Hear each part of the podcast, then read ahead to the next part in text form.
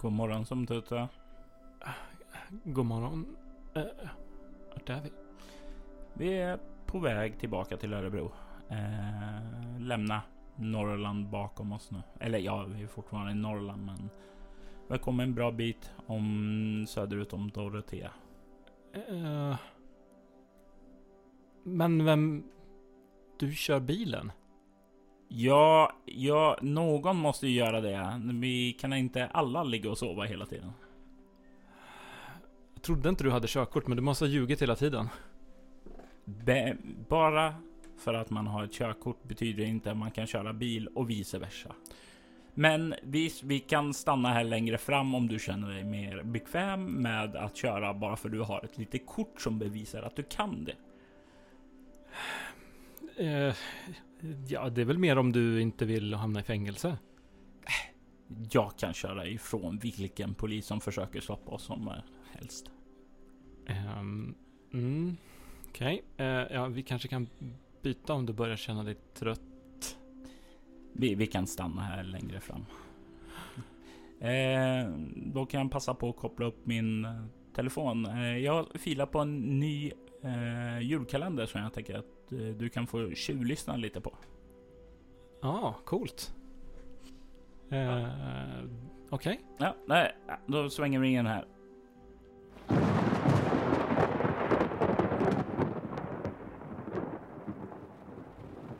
Så, det var det. Eh, vad tyckte du om eh, den? Det var ju helt klart annorlunda än förra året.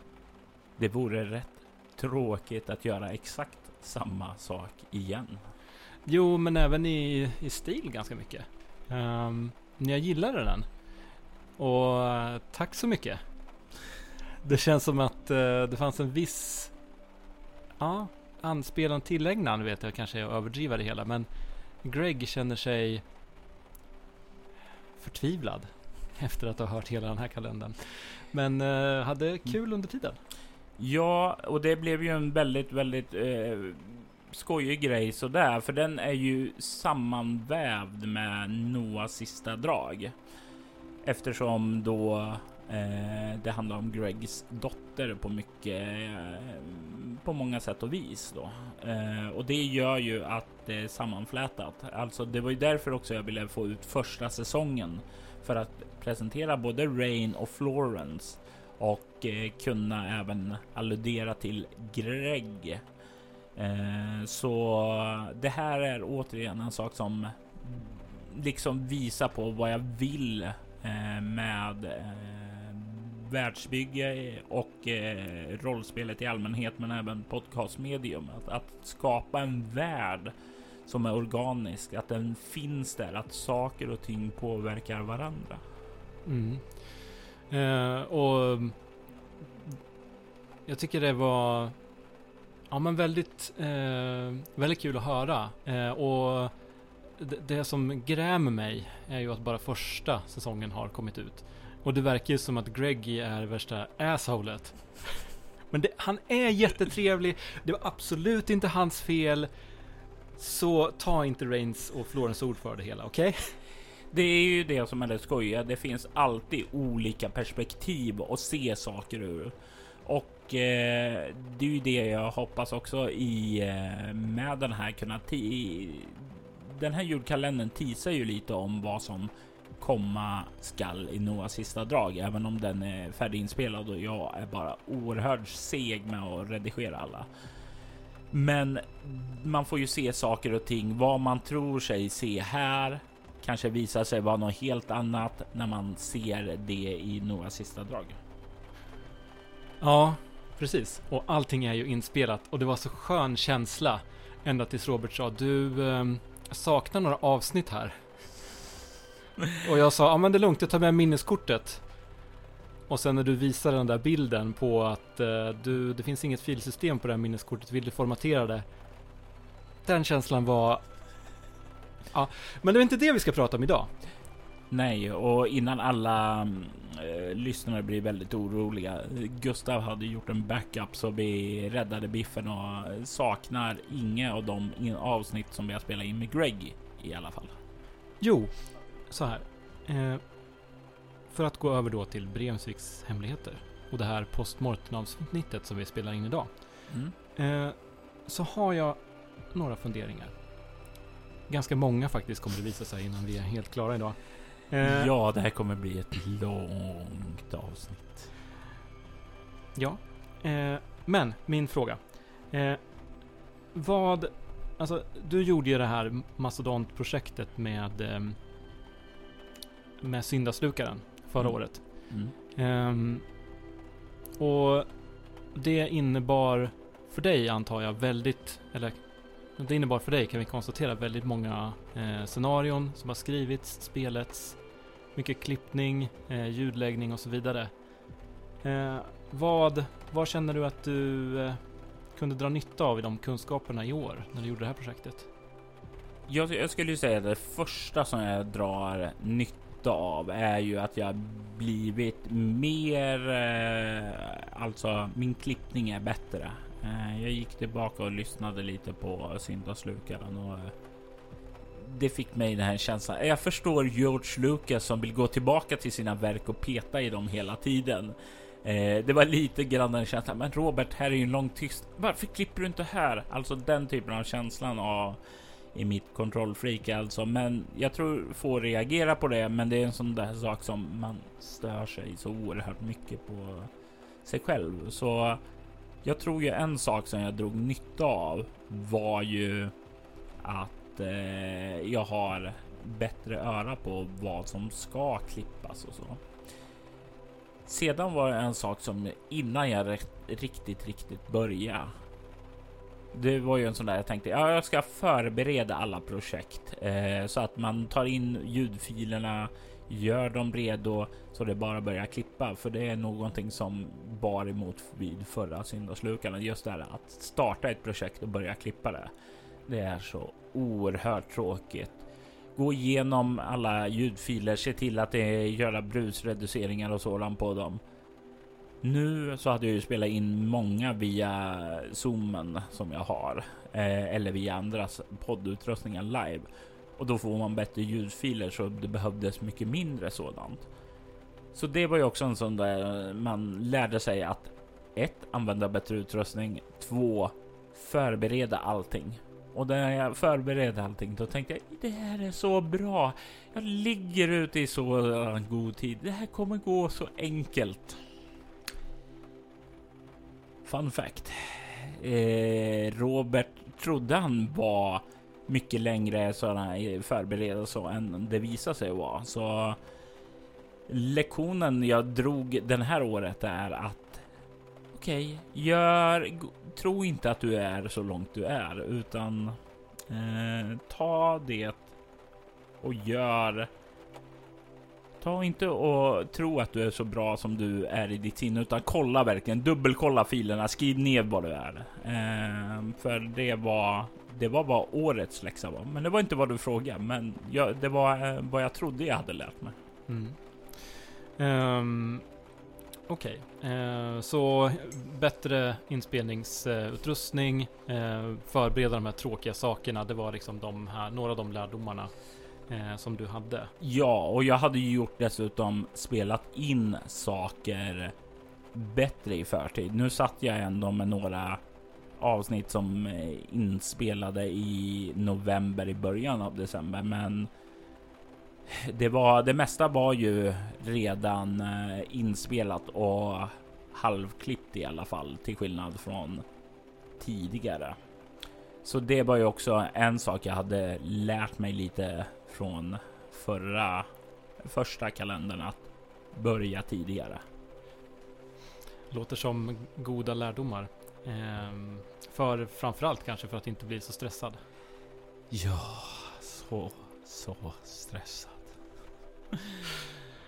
Ehm, ja, men eh, okej, så det fanns ett antal lärdomar eh, såklart. Man utvecklas. Ehm, vad... Men hur tänkte du när du gjorde det här? Eh, vad, vad ville du göra annorlunda? Vad var det du faktiskt gjorde annorlunda den här gången? Den stora, det stora annorlunda i det hela var ju. Det var ju. jag skulle säga som så att det var mer eh, episkt. Eh, vilket eh, känns kanske konstigt med, med tanke på hur syndaslukan var rätt så stort och episkt. Men det, det var många trådar som planteras över flera avsnitt och började bygga samman mot ett klimax i den sista arken då, apoteosis. Och alltså det kändes lite grann som hela Marvels eh, first phase, alltså som byggde upp till Avengers. Det var ju lite grann så som det var tänkt. Det var inte där jag började att jag skulle härma det, men det var där jag slutade för ja, det var väl ungefär lagom tills jag hade spelat in ett avsnitt eller avsnitten med liv som jag känner bara men jag måste ju få in personer här innan. Och då börjar man brodera ut allting. Du kom, okej, okay, hur får jag det? Jag, kan, jag hinner inte spela in avsnitt med alla. Okej, okay, då får du göra på något annat sätt. Lägger in dubb, för det var ju just då jag hade eh, använt det i Noahs sista drag. Och kände att det här vill jag göra och testa på mer. Och det växte ju. Och växte ju. Och snart så var det nästan så jag sprang ut och slet in folk på gatan utanför för att få dubbare, dubbare. Så det var ju nästan eh, inga kvar i hela rollspel Sverige kändes som, i alla fall inte som inom poddvärlden som jag inte hade frågat. Ja, jag kommer ihåg en episod från din Facebook-vägg där någonstans när du höll på med det här. Bara, Åh, jag behöver dubb. Är det, är det någon kvinna som kan tänka sig att ställa upp så här? Och, ja, det, men det, vi kanske kommer in på det lite längre fram här. Mm. Eh, men då, fram till eh, den första lyssnarfrågan här från eh, Pauli Pananen. Varför har vissa avsnitt av detta soloäventyr två eller fler spelare? Ja, soloäventyret fick ju sitt namn för det var jag och en spelare och det var ju så det var under syndaslukaren då. Eh, jag kände här när jag kom eh, till det här, för det börjar ju inte med en, men det här är den stora tanken, utan det börjar med att slakthus på Gotcon och då menar jag inte ett fysiskt slakthus utan eh, det var vi spelar rollspel som anordnade för, ja nu ska vi se, 2017 tror jag. Där de tog massa poddare, satte i ett rum, gav dem karaktärer och sen så försöka överleva till slutet. Och tänkte jag, ja men jag vill göra det i år. Eh, vilket var förra året, 2019. Och det var ju tur för det blev inget Gotcon 2020. oh färska nyheter när vi spelar in det här. Det är ett sår som fortfarande blöder i oss. Eh, men så jag ville göra det. Jag, jag, tänkte ju som så att Axel var för snäll när han gjorde det, även om han lyckades döda mig då. Eh, så kände jag att ja, eh, om någon ska göra det här slakthuset rättvisa, vem ska det då vara? Jo, det måste ju vara jag. Eh, det, det kanske låter hybris, men eh, jag har eh, tydligen fått ett rykte som en eh, sadistisk SL. Jag kanske har petat lite för att få fram det också. Du brukar ofta framhäva det som en av dina främsta kvaliteter.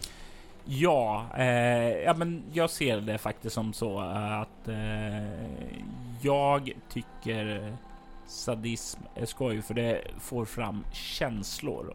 Och är det någonting som jag tycker och tror många också uppskattar är det just den här genuina känslorna. Alltså om man får någon form av upplevelse som dröjer sig kvar.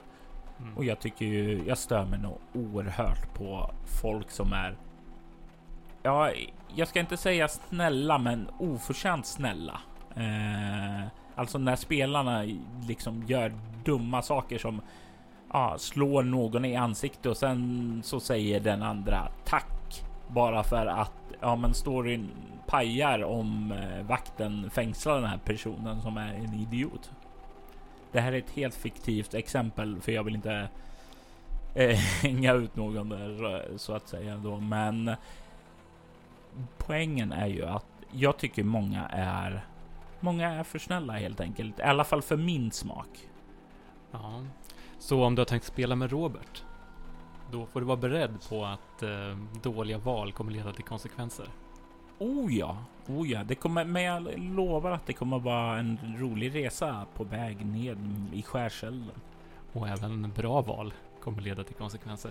Nåväl, eh, vi håller på att svara på frågan precis här varför eh, vissa avsnitt, eh, ja, Mm. av soloäventyret har två eller fler spelare. Ja, eh, så det här slakthuset, eh, beru- det här slakthuset hade ju flera spelare och då spelade vi in det. Jag hade tänkt att släppa det som ett fristående avsnitt. Sen började jag tänka på okej, vad ska jag göra i jul? Jag har ingen aning om vad jag vill göra. Och sen tänkte jag, ja, men det här kanske går att använda. Okej, men om jag använder det här, då måste jag ta med det andra om Bremsvik. För det är liksom tre fristående scenarion som länkas samman. Och då föddes idén. Och då hade jag redan brutit den här grejen och då tänkte jag fuck it, det är min podcast. Jag tänker inte slaviskt hålla kvar vid ett koncept om jag har roligt och gör någonting annat. Så visst, det kanske inte är bara är solo nu, men eh, det är ändå samma typ av statistiska känsla som eh, kan återfinnas. Alltså, och det finns fortfarande soloinslag här under eh, ja, gången då så att säga. För vi har eh, Jörgen spelade en hel del soloscenario. Eh, vi hade även Liv Vistisen Rörby eh, som spelade Rain då. Och sen hade vi Frida Fransén som spelade Jenny Dedannan. Mm. Och, eh, Jonas som spelade Jul, jul, strålande jul. Ja, Jonas Karlsson då. Ehm, ja, eh, okej. Då tycker jag vi eh, hoppar rakt in i, ehm, i nästa del där vi ska prata lite mer om avsnitten. Utifrån egentligen en av, eh, en av våra lyssnare som eh, har ställt frågor tidigare till eh, våra postmortem avsnitt. Välkommen tillbaka John Hauge Evaldsson. Jag hade lite svårt att hänga med i alla svängar och alla personer, så en liten genomgång vore bra. Vad var Bremsviks hemlighet? Du kommer få en genomgång i flera timmar John, så håll i hatten så kör vi. Bremsviks hemligheter. Eh, ja, eh, det. Bremsvik är en skiten liten norrländsk by som har fått oförtjänt mycket uppmärksamhet genom åren. Allting började 1899 som det alluderas till fram till 2012 i Brem, ja, som vi fick höra i finalen. Eh, det är, eh, ja, eh, kort och gott Bremsviks hemligheter anspelar på alla händelser som har skett där som inte omvärlden har någon som helst aning om vad som ja, egentligen har skett där. De har sett spår, ekon av dessa händelser. Men de har inte, de känner inte till vad som egentligen skedde. Därav hemligheter. Det var helt enkelt ett eh, namn bara som anspelade på eh, vad för händelser vi skulle lyssna på. Mm. Eh, Okej, men då till själva början av det här eposet. Där eh, vi ska lära oss saker och få reda på vad som faktiskt hände i Bremsvik. Då undrar jag lite grann, jul, jul, strålande jul. Det verkar ju ganska frikopplat från allt det här. Vad var tanken där? Det första liksom tanken jag ville ha var ju att öppna med en ganska eh, fristående grej, alltså plantera någonting som skulle återkomma sedan. Och det visar ju en mor som skickar iväg sin eh, dotter, sin nyfödda dotter. Och den här eh, scenen där vi får se Edvina som eh, spelas av Amanda Sten eh, skickar iväg sin dotter som ja, då råkade heta Amanda. Jag, jag, tyckte det var efteråt när jag liksom jagar folk och dubbar där att Amanda fick eh, eller Amanda fick rollen som skickade iväg sin dotter Amanda var jättekul. Då. Men det var en slump. Det var inte så jag letade upp en Amanda bara för det.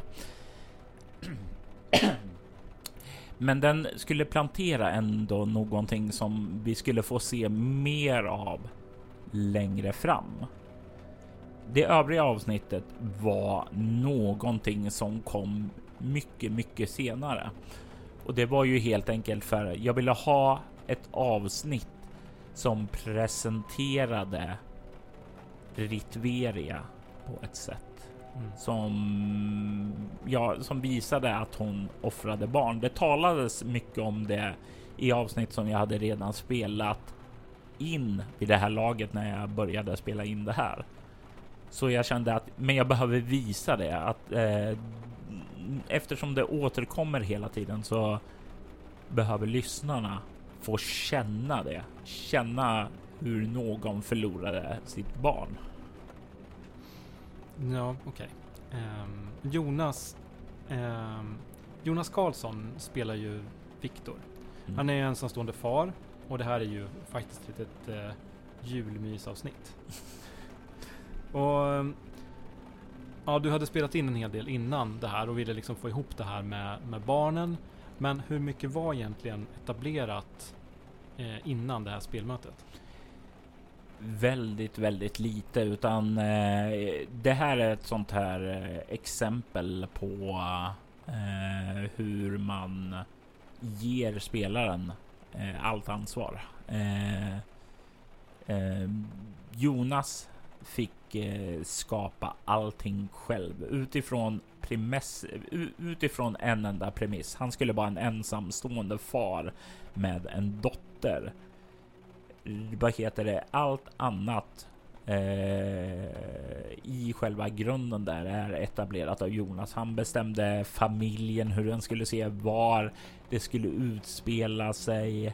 Eh, den här mardrömmen som han beskriver med eh, vilsen dotter i skogen och sådant där. Allt det där eh, är sådant jag riffar på utifrån eh, vad spelaren kommer med. Och vi har ju nu efter Bremsviks hemligheter hört Athanasia. Och det är exakt samma sak där. Mikael Fryksäter som då spelade Bruce Castle eh, fick göra karaktären helt själv. Etablera eh, hur familjesituationen man arbetar och sådant. Och sen så tar jag det och bara spinner vidare på det. Så när, vi, när Jonas och jag satte oss med det här avsnittet visste jag en sak och det var att hans dotter kommer att dö på något sätt.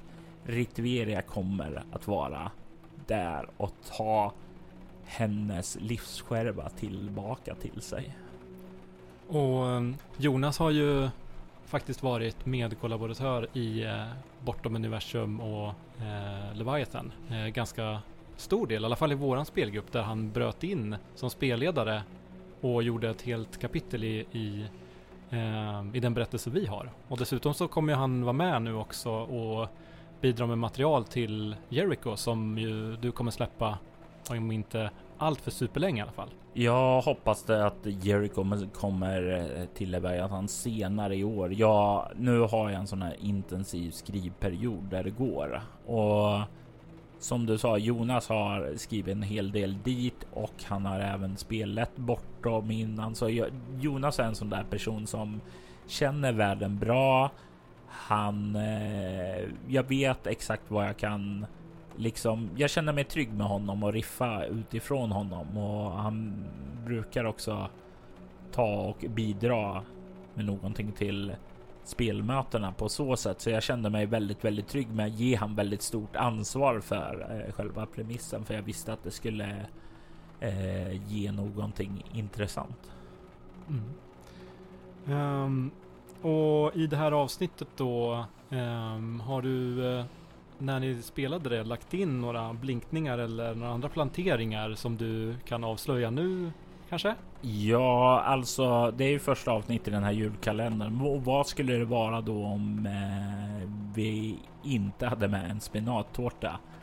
Eh, den var så uppskattad eh, förra året. Det var inte min förtjänst utan det var helt och hållet Lukas Falks eh, improvisation som kom in där och jag ville ha med den där också. En annan sak som jag brukar gilla att göra, det är att plantera saker som komma skall. Och när eh, Viktor då sitter och kollar på nyheterna så ser eh, han ett nyhetsinslag om en eh, familj som heter Winterburn som ja, har bidragit för att skapa ett härberge och sådant. Och det är ju helt enkelt Winterburn heter ju nästa avsnitt. Det kommer att eh, den här familjen Winterburn kommer att figurera. Och jag ville då också bara nämna det här så att det blir en liten grej som de flesta kanske inte reflekterar över. Men för mig så visar det ändå på att det här är en del av ett världsbygge. Det finns tankar där som bygger vidare sedan. Um, en annan sak som uh, vad heter det sticker ut är väl också att uh, Viktor vaknar på natten vid 02.23. Och det här är ju någonting vi kommer få se återkomma 223 senare i julkalendern också. Och sen har vi också Maria Rusgård då som gör en liten dubbroll här och det är andra gången eh, i eh, i soläventyret som hon faktiskt får skriva ett brev eh, till sin älskade. Hon gjorde ju det i Trollblod också. Det var ju en del av upptakten där till att eh, de, ja, att eh, An Annas karaktär då eh, följde efter norrut. Så det, det, det tänkte inte jag på då, utan jag behövde bara någon dubbröst dit och Maria eh, som du, både du och jag spelar med på reguljär basis då var väldigt nära och enkel att få hjälp av. Så tack för det Maria. Um, och du pratade ju om att du inte hade förberett så mycket inför det här avsnittet. Men du hade spelat in avsnitt längre fram i själva berättelsen. Hjälpte mm. det dig att kunna få in de här planteringarna på ett bra sätt? Det hjälper väldigt, väldigt mycket att ha det. Du kan etablera saker eh, on the fly och bygga vidare från dem också. Eh, men har du spelat in spelat in avsnitt redan och som ligger längre fram så har du exakt aning om vad som kommer ske. Och då kan du vara tydligare i planteringarna mm. än om du planterar någonting och tänker ja, men det här kan jag göra till någonting. Då är det lätt att det, ja, om du inte är lagom ja, suddig, alltså diffused, eh, så då kommer du antingen hamna i en situation att du inte kan använda det, skörda det på det sättet du vill, eller så att du lätt att du styr för hårt. Och det är ju inte roligt om spelare upplever den känslan. Mm.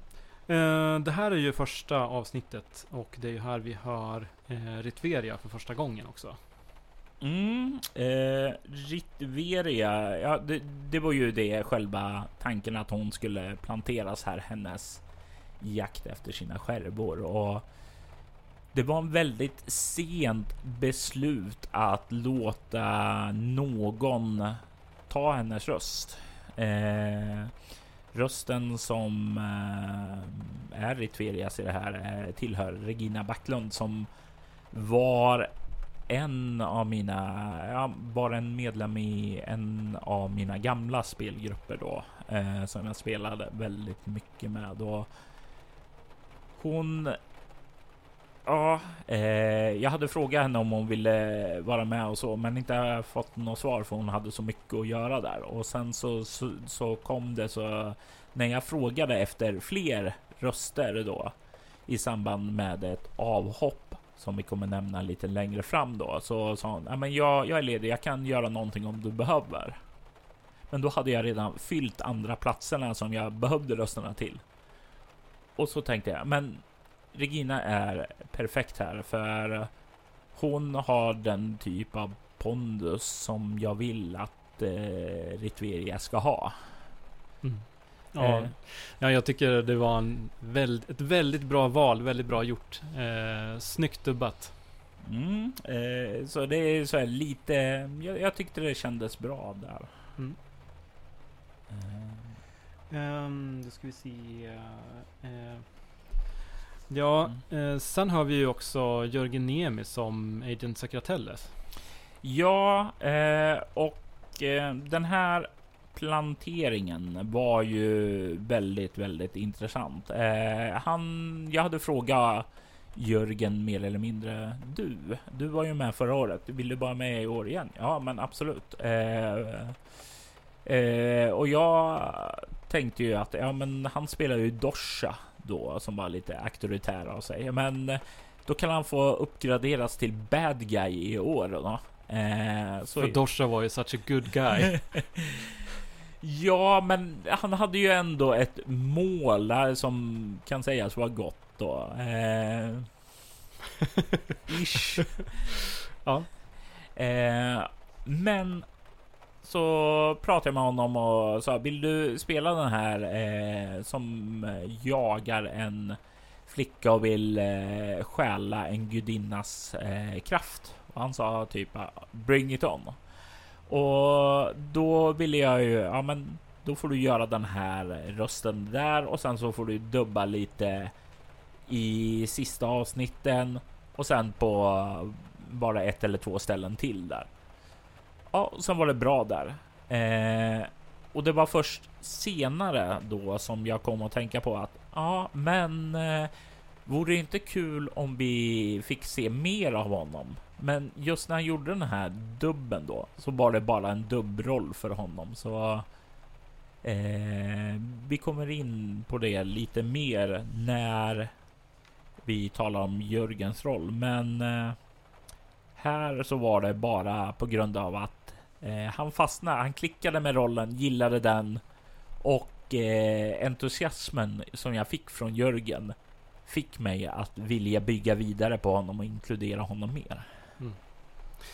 Ehm, avsnittet avrundas ju också med ett outro om en liten pojke som slängs ut ur ett flygplan. Um, var det här också en stämningstext? Ja, det här är ju en. Det var en stämningstext från eh, ett eh, scenario som heter Fördärvade främlingar. Och det är egentligen ett bortom scenario som utspelar sig under västern-eran. Vilda västern, pang pang cowboys. Eh, och eh, det. Det här är ju en av de sådana här berättelser som är Ja, det här är ju en berättelse som du Gustav kommer få spela i vår reguljära spelgrupp och det är en av de berättelserna som jag har i åtanke att eh, det här vore ju kul om eh, någon, om, om ni lyssnare kunde få höra. Så det är ju en av de här möjliga framtida berättelser. Ja. Jag skapade en liten poll om möjliga scenarion och sådant. Jag kommer inkludera den igen eh, i själva avsnitts... Eh, jag kommer inkludera den i texten där eh, avsnittet publiceras. Så om ni inte redan har gjort... Om ni inte redan har röstat i den så gå och gör det nu. För jag tror inte jag nämnt det på bloggen så att säga, utan bara på Facebook. Och jag vet att alla inte följer Facebook. Eh, så om ni inte redan gjort det, gå in där och gör det nu. Så kan ni påverka vilka möjliga berättelser vi kommer att kunna lyssna på framöver. Och den här länken hittar de i avsnittstexten för det här avsnittet. Jajamensan. Eh, och det här är i alla fall introducerar den lilla pojken är ju en omskrivning av den första atombomben, alltså som kallades för The Little Boy. Och ja, när jag skrev den här för många, många år sedan så var det ju någonting i mig som gillar just den här omskrivningen att eh, man förkroppsligar ett föremål. Alltså en bomb har ju inga känslor. Men om du skriver det här liksom utifrån sådant perspektiv att the little boy, den lilla pojken var där.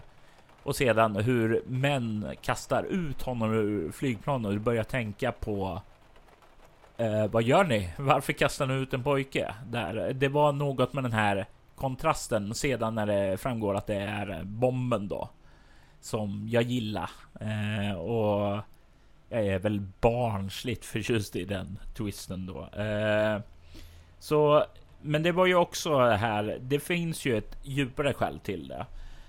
Eh, för den träffar ju Hiroshima och i Hiroshima finns det en kvinna som heter Felicia Dante som inte dör av atomexplosionen. Och den här Felicia Dante kommer vi få veta mer om. Tanken var egentligen att ha hennes tidigare intro. Alltså bomben släpps ju 1945. Men i senare avsnitt så kommer vi få höra eh, texter om henne som eh, förekommer på 1870-talet till och med. Så det är ett glapp där.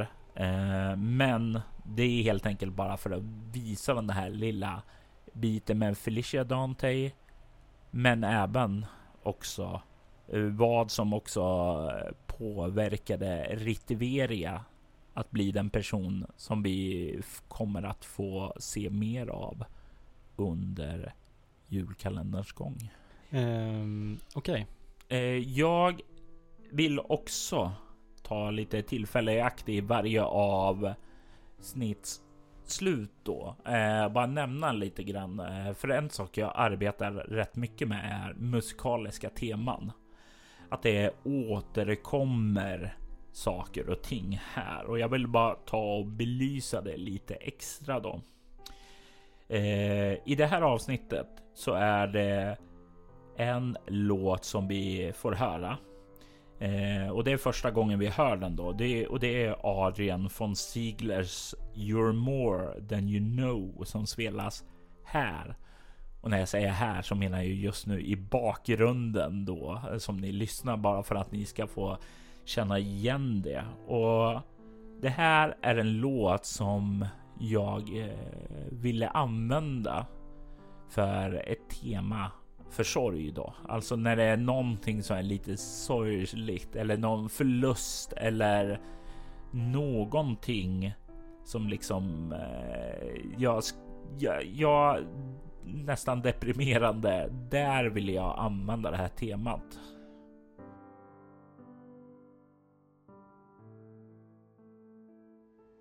Och nu i bakgrunden så hör ni att musiken har förändrats. Och det är för att vi går nu över till eh, en eh, annan artist, Shrine från Cryo Chamber.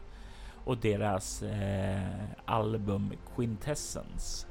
Den släpptes under arbetet med Bremsviks hemligheter. Och den här musiken den fångade en känsla för allt det här med Ritveria och själskrafter och jag kände ganska fort att jag vill ha det här som tema för det. Så väldigt ofta då det har med Ritveria eller själskraftanvändning eller Agent Sacratellis så kommer ni att få höra det här.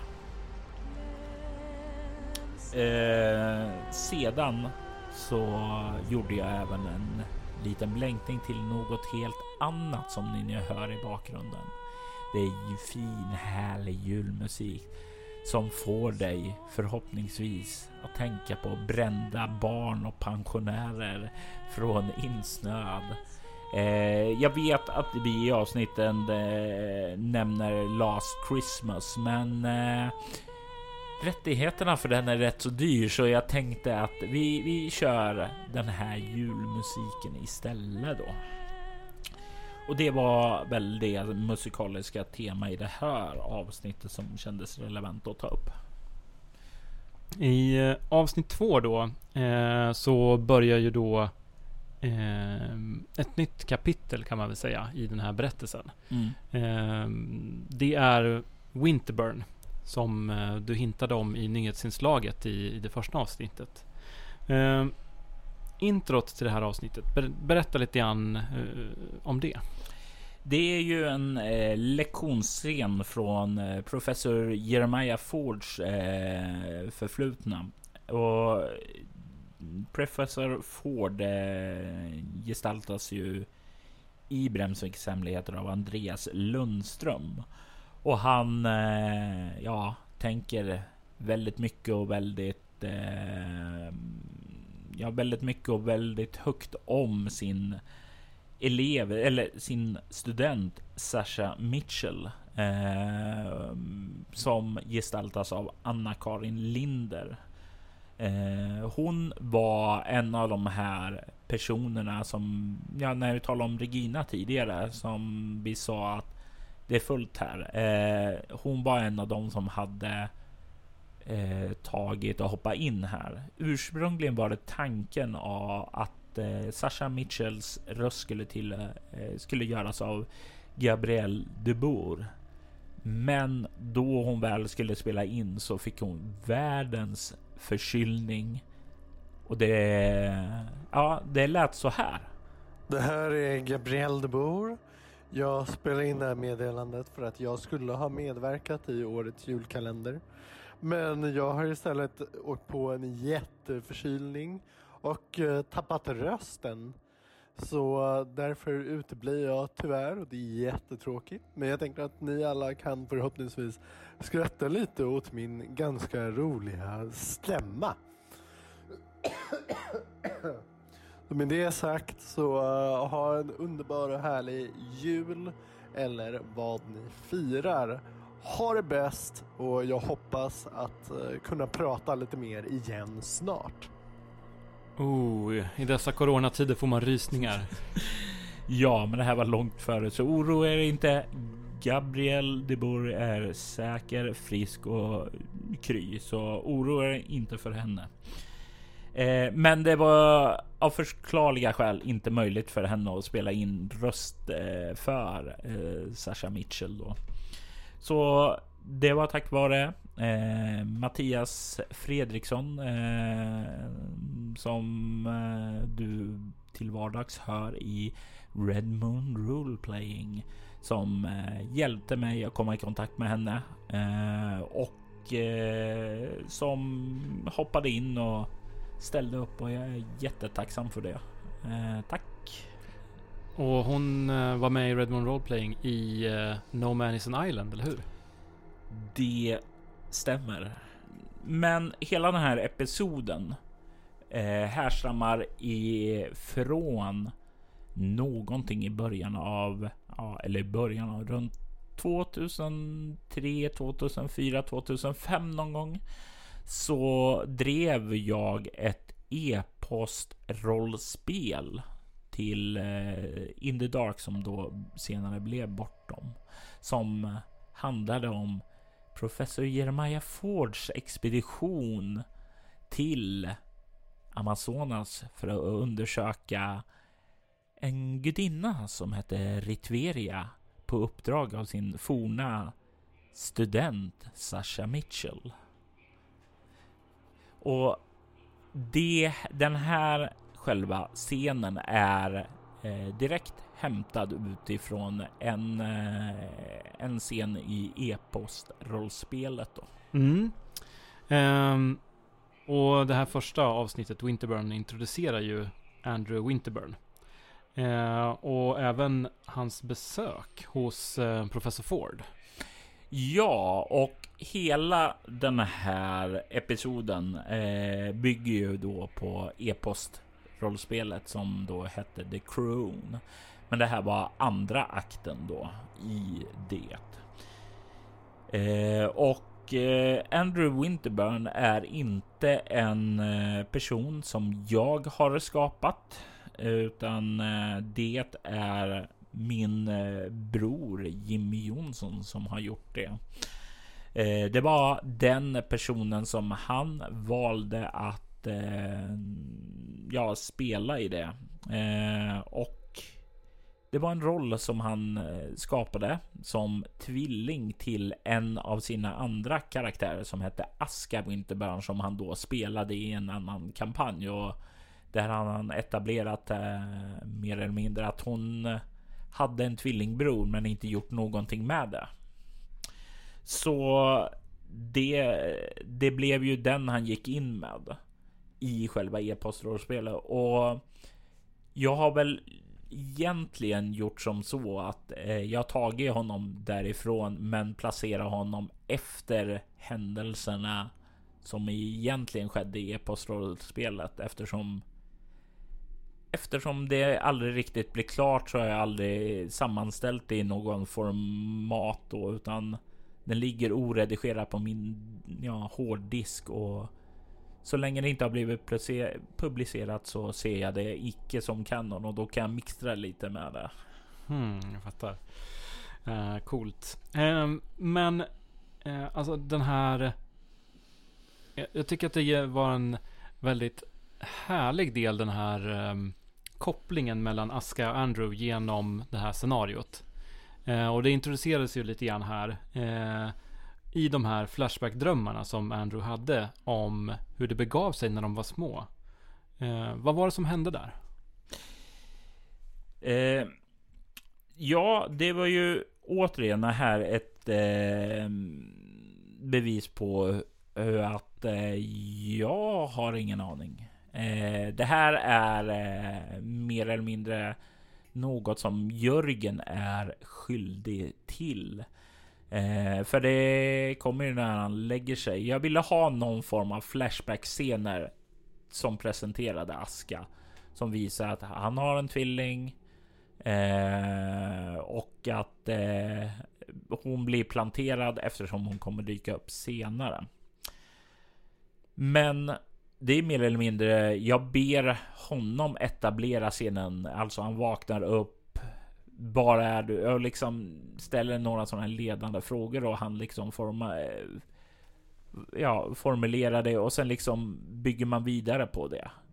Och det var ju något som jag inte hade klart innan utan det var bara sånt som poppade upp och jag tycker ju då att när vi då får se eh, Andrew interagera med sin syster och vi tar bort min avskyvärda röst eh, och ersätter den med Annas mycket bättre röst. Så alltså, det blir ju en bra stund och just den här Annas liksom nästan perkiga gladhet där över att vilja gå till skolan. Alltså det, det blir sån här jättehärlig kontrast och bara sån här sprudlande energi för mig. Så jag tycker ju verkligen att eh, det lyfter ju de här små flashback-scenerna då.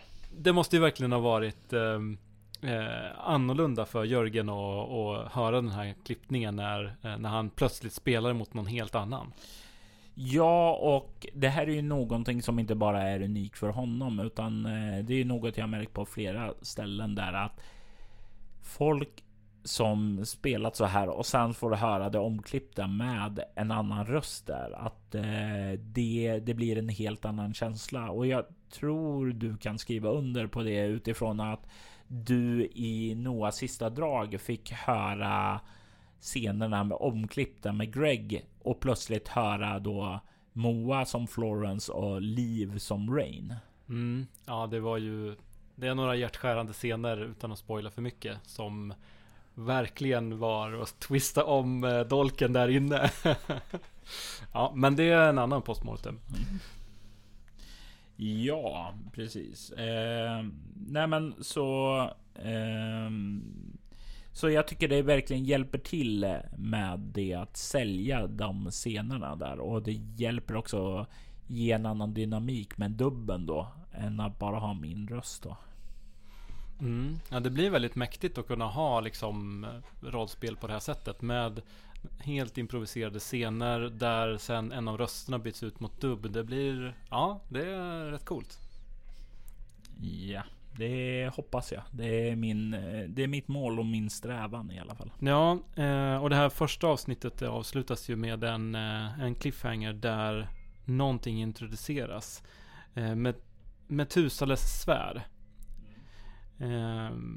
Den, den är väldigt märklig och nästan lite svårbegriplig på ett sätt. Mystisk, eh, den här sfären det här är en sån här grej som jag kan få upp i mitt huvud. Jag vet exakt hur den ser ut. Jag vet hur den fungerar, men det är ett jävla härka att försöka beskriva den på ett förståeligt sätt för någon annan. Alltså eh, grunden, alltså det, det är lite grann det här inspirationen med det här pusslet och öppnaden. Alltså det är ju egentligen en rip-off av eh, Hellraiser då. Alla som har sett det, ja, eh, The Box. You open the box, we came. Alltså det, mm. det är ju samma den här ödesmättade känslan jag ville ha av att öppna den då.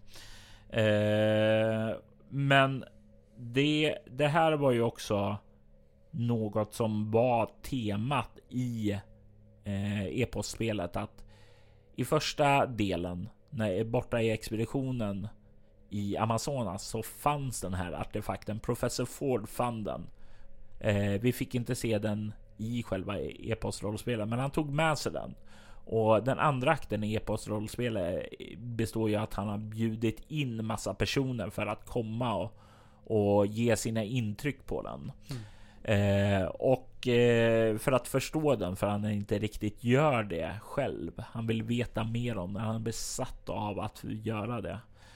Och eh, det är ju det som blir den här aktens handling då. Eh, det, det här är också någonting eh, som inte namnges här. Men den här Metuselas sfär finns i, eh, i flera upplagor. En av de upplagorna finns faktiskt i Noahs sista drag på ett ställe men eftersom Greg inte undersökte tillräckligt noga så kommer ni lyssnare inte få höra det utan ni får köpa äventyret om ni vill veta mer om den där. Ja, jag ber så mycket om ursäkt för det kära lyssnare. Ehm, men eh, vi fick ju trots allt stöta på den här i ehm, eh, Winterburn istället. Ja, eh, och efter den här cliffhangern så kommer en till stämningstext. Eh, och den handlar ju om en sorgsen Sasha. Mm. Eh, men det utspelar sig händelserna... Men det här så utspelar sig efter händelserna i Bremsvik. Ja, eh, det, nu kommer vi också här till mer, ännu mer. Det är mycket i den här kalendern som bygger vidare på saker som är skrivna sedan tidigare. Eh, man kan säga som så, det är saker, det är olika projekt. Vi har talat om eh, e-postrollspelet. Eh, det är även från kortromaner som har skrivits eh, och eh, kortromanen som jag skrev var, handlade ju om Sasha Mitchell och Peter Berg i Bremsvik och hur Sasha släpper Ritveria fri. Mm. och det är många sådana här små händelser som en del är publicerade, andra är det inte. Men jag tror liksom på många sätt så är det liksom en ark som har pågått sedan typ ja, då jag började skriva In the Dark år 2000 till nu. Det är nästan 20 års historia som eh, vi summerar här på 24 avsnitt och det är ju egentligen helt sinnessjuka att försöka göra. Mm. Ja, det är en eh, Ja, det är lång tid. 20-årsjubilering. Ja. Mm. Men eh, det är helt enkelt efter kortromanen så är det hennes reflektioner av vad som hände i den. Och den här stäm var ju en stämningstext som fanns med i den andra bortom modulen Visioner och fantasier. Mm. Um, ja. Så innan vi hoppar in på avsnitt tre så kommer vi ha en eh, liten paus från våra sponsorer där vi häller upp kaffe och eh, helt enkelt fuktar våra strupar. Du har lyssnat på postmortem avsnittet för Bremsviks hemligheter med mig, Robert Jonsson och Gustav Ruthgård. Musiken i detta avsnitt var Cryo Chambers Dark Ambient 2014 samling. Adrian von Sieglers You're More Than You Know och Shrines vampyr. Cryo Chamber och Shrine ges ut av just bolaget Cryo Chamber. Och det är blott två av väldigt många trevliga band som finns där. Och det är blott två av många spännande band som ni kan hitta där. Och om ni behöver stämningsmusik till era spelmöten, ja då tycker jag definitivt att ni ska spana in dem för där finns det så mycket underbar musik. Du hittar länk till dem i avsnittets inlägg. Soläventyret är en actual play podcast där vi spelar rollspelen Bortom och Leviathan. Tack för att du har lyssnat.